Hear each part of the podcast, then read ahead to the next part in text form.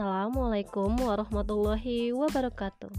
Halo, perkenalkan saya Dama Patona Peserta di Telatsar CPNS Angkatan 38 Pemerintah Kabupaten Serang. Di sini saya akan berbagi pengalaman pembelajaran dengan metode sinkronus dan metode asinkronus Apa itu metode synchronous learning dan asynchronous learning? Keduanya merupakan metode pembelajaran jarak jauh.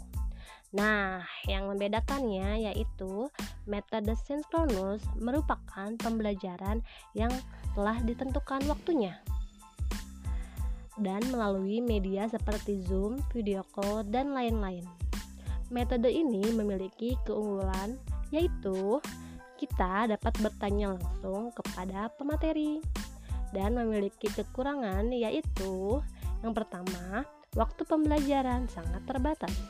Yang kedua, akses jaringan internet yang kurang stabil dapat mengganggu jalannya pembelajaran. Selanjutnya adalah metode asynchronous, yaitu pembelajaran secara mandiri dengan fasilitas bahan pembelajaran. Dan keunggulannya adalah pembelajaran bisa dilakukan di mana pun dan kapan pun dan kekurangannya cenderung mudah bosan dan hilang konsentrasi, serta terbatasnya kesempatan untuk bertanya.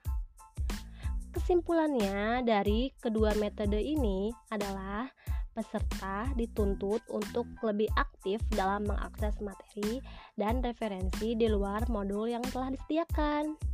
Sekian sharing-sharing dari saya. Sampai ketemu di lain kesempatan. Wassalamualaikum warahmatullahi wabarakatuh. See you.